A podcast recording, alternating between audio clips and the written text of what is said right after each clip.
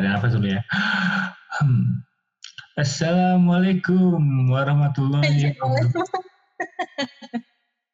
Emang kalau buka acara-acara kayak gini butuh kayak gimana ya? Ya, kita langsung aja ya. Kita langsung ngobrolin mengenai isu-isu yang paling terkini yang baru sore ini jadi pembahasan di jaga Twitter. Yang ya, bagi... kenalan dulu dong, Bos. Oh iya, lupa. Kita belum kenalin diri ya. Halo, saya Muhammad Dirga IP. Saya freelancer kerja serabutan di dunia online. Kalau Anda, kalau Anda Indana? Saya uh, overproud pegawai negeri sipil. Oke, siap. Perfectly describing you ya Mbak ya. Thank you. For the record, we are married to each other, so perkataan perkataan-perkataan yang mungkin terdengar ofensif bagi sebagian orang, ini karena kita sudah terlalu akrab aja ya. Enggak, sebenarnya uh, apa sih tujuan kita membuat ini? Kayaknya nggak ada tujuan apa-apa sih. Kayaknya ya karena Terus? ya berbagi pembicaraan kita yang mungkin agak nyeleneh, mungkin orang-orang kan mengira mengira ya bagaimana sih orang dua ini berkomunikasinya seperti apa. Orang-orang tahu Dirga kayak gimana, orang-orang tahu Indana kayak gimana, bagaimana mungkin mereka bisa bersama. Terus kayak ya mungkin ya itulah intinya ya Dis disclaimer disclaimer ya disclaimernya apa Dis disclaimer uh, seluruh opini tidak mencerminkan keluarga ataupun institusi. Benar. Semua opini-opini ini kadang kita anggap aja kita lagi bermain peran ya jadi nggak nggak benar-benar diri kita sendiri gitu. Kayak gimana ya?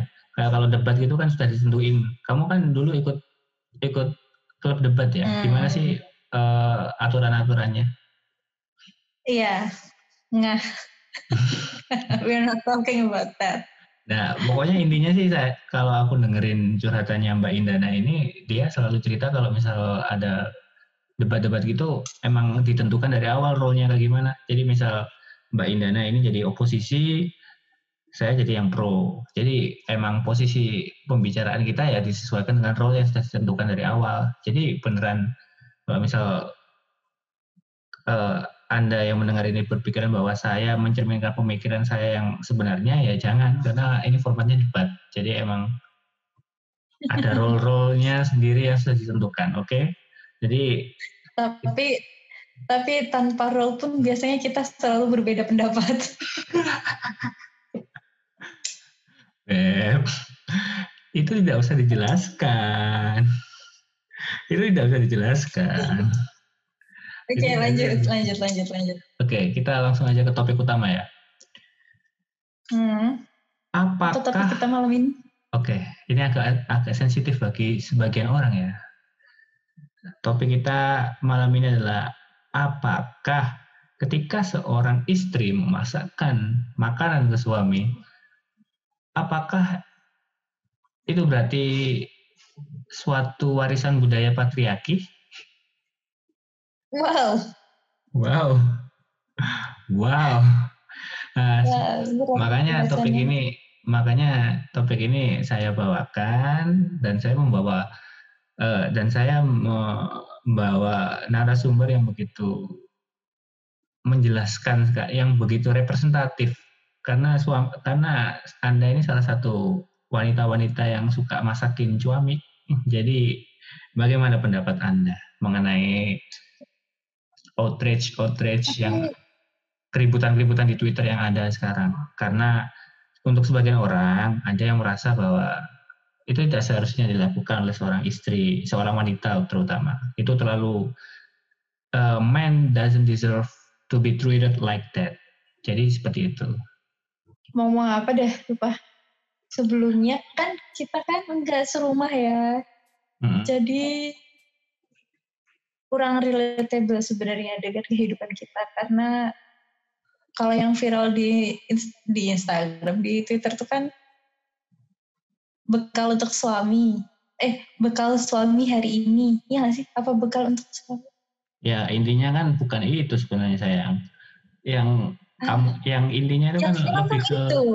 Bukan, intinya itu intinya itu itu yang terlihat itu yang secara eksplisit disebarkan di Twitter. Karya aslinya kan kenapa kamu rela kayak gini loh. Kenapa sih itu jadi suatu perbincangan yang panas? Itu kan karena tweet karena untuk sebagian orang ada yang berpikir bahwa memasak, mencuci dan lain sebagainya bersih-bersih rumah itu kalau masih dilakukan oleh oleh wanita itu berarti tandanya patriarki itu masih ada. Jadi hmm. sangat berlawanan dengan woman empowerment gerakan-gerakan itu aku pikir ya saya nggak tahu kan nggak tahu ya kayak uh, mungkin kalau misal uh, correct me if I'm wrong. So so tell me what's your opinion about this problems? Kalau specific specifically talking about how perempuan misalkan masakin suaminya disebut dengan langkah-langkah yang menghambat woman empowerment itu ya nggak sesuai sih sebenarnya. Toh banyak juga cowok yang jago masak, banyak chef-chef terkenal tuh cowok.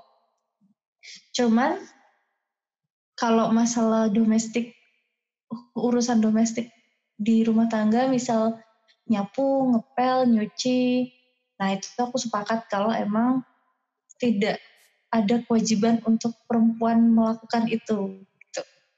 Kerjasama aja, kalau memang sanggup dilakukan berdua ya begitu guys. Kalau memang nggak sanggup ya sewa asisten rumah tangga atau uh, tinggal di kos-kosan. Dia kan nggak bersih, dia nggak nggak ribet kan, kayak tinggal di rumah.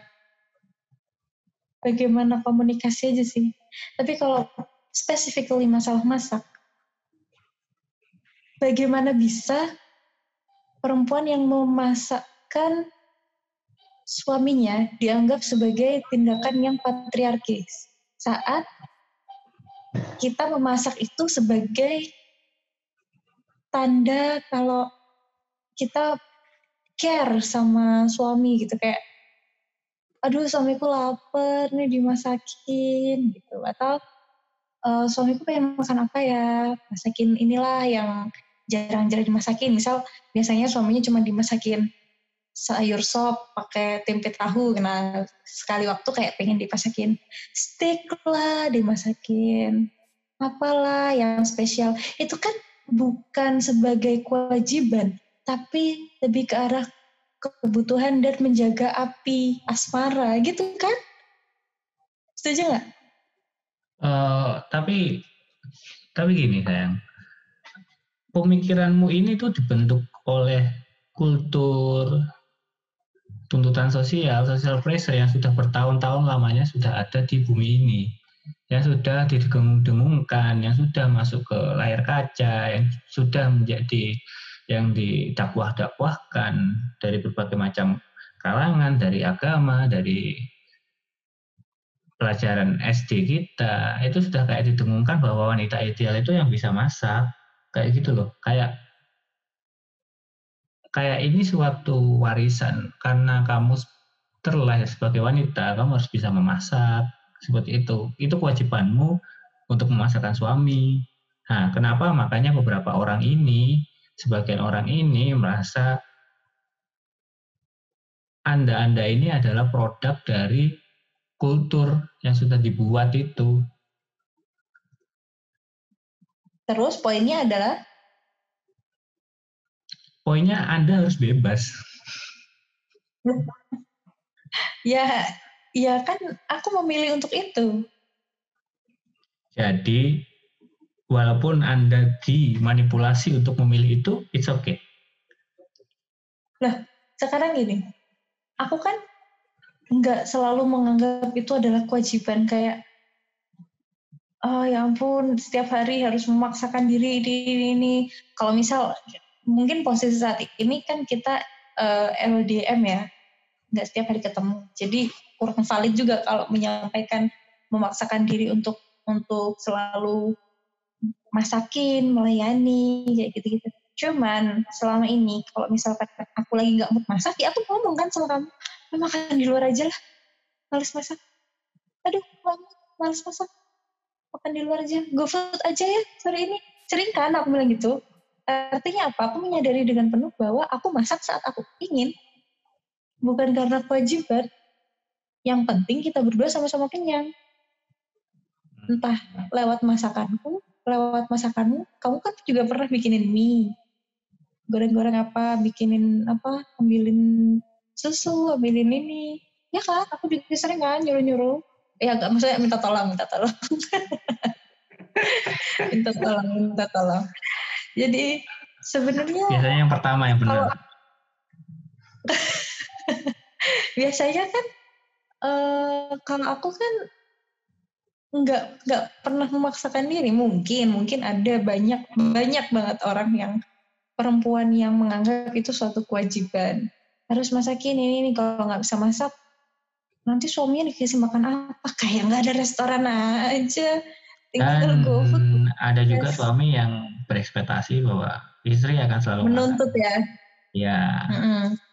Banyak banyak banyak banyak juga yang menuntut itu cowok-cowok nyari yang bisa masak mau nikah mau bikin restoran aku juga gak ngerti cuman kan ini kebetulan kamu dapetnya istri yang seneng masak seneng nyoba-nyoba resep meskipun kadang gagal juga nah kalau gagal gimana mas apa masakannya gagal makan di luar kan terus gitu aja. Ini ini soal nggak, usah dibikin repot. Jangan dibikin repot. Maksudnya mindset mindset cewek-cewek itu kalau bisa 50-50 lah pekerjaan domestik rumah tangga termasuk nyapu, ngepel, nyuci piring, nyuci baju, bersih-bersih apa bersih-bersih kamar kamar tidur, masak. Itu ya 50-50 dikerjakan bareng. Kalau memang nggak kekejar ya buat apa dipaksain? Memang kerjaan cuma itu doang. Ya berarti ya kan? ya berarti intinya itu kita harus terlepas dari belenggu dogma-dogma itu dan menjadi diri kita sendiri ya jadi intinya seperti itu ya tapi ada juga orang yang udah nyaman nyaman melakukan itu Nah, itu kan nyaman yeah. karena dia secara nggak dia secara sadar memilih hal itu kan atau dia termanipulasi. Kenapa sih kamu? Kadang-kadang orang-orang ya itu itu itu itu yang menjadi permasalahan kadang-kadang. Ketika kita melakukan sesuatu dengan sangat senangnya dan lawan atau orang lain yang melihat dari jauh yang tidak menjadi kamu, tidak setuju dengan hal itu, mereka selalu menganggap kalau kita tidak senang melakukan hal itu dan dianggap termanipulasi. Padahal kalau yang menjalani senang-senang aja ngapain yang di luar yang repot? Nah, seperti itu. Kadang-kadang apa ya? Emang buat apa sih kita uh, mempertanyakan apakah ini sebenarnya bagus atau enggak itu kayak itu kan penilaian subjektif dari seseorang tergantung dari nah, pengalaman. Nah, exactly. Uh, uh, dari kenapa pengalaman. Sih, dari... Kenapa sih kenapa sih orang-orang itu hobi merusak kebahagiaan orang lain gitu? Nah, ya kecuali kalau memang kayak struktural ya, kayak misal permasalahan yang begitu mendalam secara struktur kayak misal cewek itu nggak boleh kerja, cewek itu nggak boleh harus di rumah aja ngurusin anak kayak gitu kayak uh, sebenarnya itu kan kenapa kita kenapa woman empowerment gerakan-gerakan ini memang sangat getol untuk apa ya untuk memberikan pilihan pada wanita. Sebenarnya kan soal pemilihan ya sebenarnya bukan masalah bukan bukan malah memaksa atau malah menyindir orang-orang yang memilih untuk menjadi housewife kayak menjadi kayak, hmm, kayak gimana betul, ya? Betul, betul. Ya, yang seharusnya betul, mereka lakukan bukannya bukannya malah memprotes apa yang mereka lakukan. Menghujat menghujat pilihannya nah, pilihan orang lain. Nah, ini yang membuat Kalau misalnya nah, dan ini yang menurutku ya. membuat malah malah kontraproduktif terhadap gerak semangat gerakan ini. Seharusnya gerakan ini tuh tidak se separah itu. I mean tujuan utamanya adalah memberikan pilihan kan? Ya nggak sih? Hmm. Woman empowerment tuh bukan berarti perempuan harus di luar, perempuan harus bekerja, perempuan harus mandiri secara finansial, mandiri secara apa uh, bisa melakukan apa pun. Perempuan bisa memilih untuk tidak menjadi mandiri dan itu fine fine aja karena itu pilihan mereka. Asalkan mereka masih punya pilihan yang lain gitu. Jadi antara antara misalkan antara dia mau bekerja atau mau jadi ibu rumah tangga. Tapi dia memilih jadi ibu rumah tangga. Sementara dia juga punya pilihan untuk menjadi perempuan yang bekerja. Nah, itu woman empowerment dia punya dia punya uh, kapabilitas untuk memilih. Aku mau jadi ibu rumah tangga nih. Gak usah kerja deh, di rumah aja lebih dekat sama suami, lebih dekat sama anak-anak di rumah gitu. Bisa memantau tumbuh kembang anak kayak gitu kalau misalkan orang-orang mikir, wah ini cewek kerja jauh dari rumah, woman empowerment banget ini. Sangat mandiri. Padahal enggak juga, bisa jadi karena tidak ada pilihan lain. Kalau dia tidak bekerja, dapur di rumah nggak ngebul. Bisa jadi kan seperti itu. Hmm. Jadi kadang nah. sesuatu yang terlihat, sesuatu yang terlihat, ih keren ya dia kerja nih. Padahal sebenarnya dia nggak pengen kerja, dia pengen di rumah aja nggak pengen jauh dari keluarga, nggak pengen merantau misalkan. Tapi karena tidak ada pilihan, ya bukan berarti orang yang apa perempuan yang bekerja itu akan selalu lebih lebih ber apa lebih punya power dibanding ibu rumah tangga. Bisa jadi yang ibu rumah tangga itu lebih punya power karena dia punya pilihan. Mau di rumah aja atau mau sambil kerja. Menurutku segitu yang bikin yang bikin ribet adalah orang-orang yang mengamati dari luar. Nggak bisa gitu orang lihat ya udah sih terserah hidup-hidup dia hidup-hidup mereka gitu. Hmm. kecuali kalau udah mereka udah ada yang minta tolong. Misalkan ada sign-sign yang butuh bantuan untuk ini baru kita wajib buat uh, kasih extra care extra ekstra perhatian lah buat nolong tapi kalau mem memang mereka bahagia dengan pilihan-pilihan apa pun yang mereka pilih, kenapa enggak gitu? Hmm, I see. Nice point. Uh, ini sangat berbeda sekali ya ketika kita ngobrol-ngobrol ya. Rasanya kita seperti orang yang berbeda ketika saya menggunakan bahasa Indonesia dengan saya biasanya menggunakan bahasa Jawa. Do you feel that too? Oke aja sih. Cuma emang medok banget kamu ternyata ya. Oke, sekarang kita lanjut ke sesi berikutnya, yaitu penutupan. Sudah kehabisan bahan ya Pak? Ya sebenarnya kita kan cuma coba-coba aja, ini masih belum tahu formatnya bakal kayak gimana. Iya. Oke. Okay. Benar. Ya nanti pokoknya. Sekali. Ya nanti habis ini aku bakal sering-sering lihat podcastnya dari Corbuzier aja lah ya nanti buat benchmark. Hello, smart. Hello, smart, smart people. people. Ya. Kalau kita, kalau kita apa ciukan yang mendengarkan Hello hmm. gabut people. ya, is people lah. Terserah mereka mau kasih apa. Hello people people. Terserah. People people. Kayak kamu itu bilang harus ada nama nyebut-nyebut nama buat fans seolah-olah kayak podcast ini bakal meledak besar aja kan enggak. paling mentok paling mentok 10 pendengar nggak mungkin sebanyak itu. Nggak boleh pesimis, nggak boleh pesimis. Hmm. Tumben. Nah, tapi kan niat niat kita kan murni mendokumentasikan percakapan-percakapan random kita malam hari. Hmm. Jadi ada kenang-kenangannya. Nanti next time kita udah punya anak, anaknya udah gede, bisa hmm. dikasih lihat deh. Ini loh bapakmu sebejat ini gitu. Or when one of us leave this earth. Oh, jangan gitu sedih. Ya, Gak apa-apa lah, siapa tahu nanti kita menyimpan podcast ini nanti by the time we are get older ada teknologi yang bisa membaca, mentranskrip semua pola bicaramu, lalu bagaimana cara membaca, me, menjawab pertanyaanmu, cara pikirmu, lalu jadikan suatu algoritma AI artificial artificial intelligence. Akhirnya ada Iya, kamu. iya, iya, itu itu itu ini aja next episode podcastnya aja. some some black black mirror shit ya. Oke oke. Jadi ya kalau boleh saya menyimpulkan intinya woman empowerment is about choice ya. It's about having a choice. Oke. Setuju kan? Yes, betul. Oke, siap. Five, four, three, two, one, close the door.